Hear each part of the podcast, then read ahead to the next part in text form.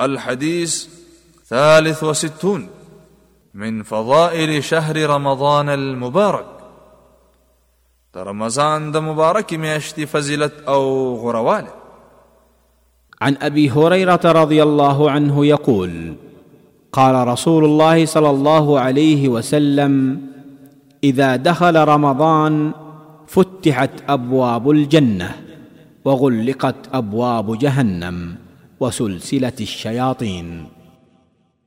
أبو هريرة رضي الله عنه سخ روايت دي فرمای نبی کریم صلی الله علیه وسلم فرمایلی دي کله چې میاش د رمضان راشي د جنت دروازې کلاوي کړي شي أو د جهنم دروازې بند کړي شي أو شیطانان أو شیطانان وتړل شي.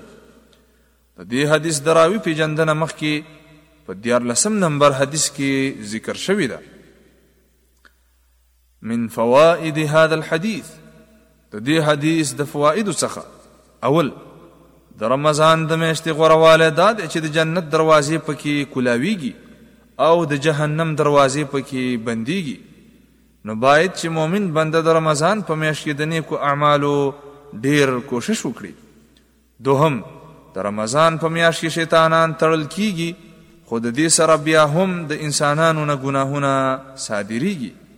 ځکه چې د ګناهونو نور اسباب هم شته لکه د نفس خواهشات او ناکار عادات وغیره دریم د جنت د دروازې د دروازو د کلاوي درو او د جهنم دروازې د بندې درو او د شیطانانو تړل د رمضان د میاشتې د غوروالي ښکارا نه کده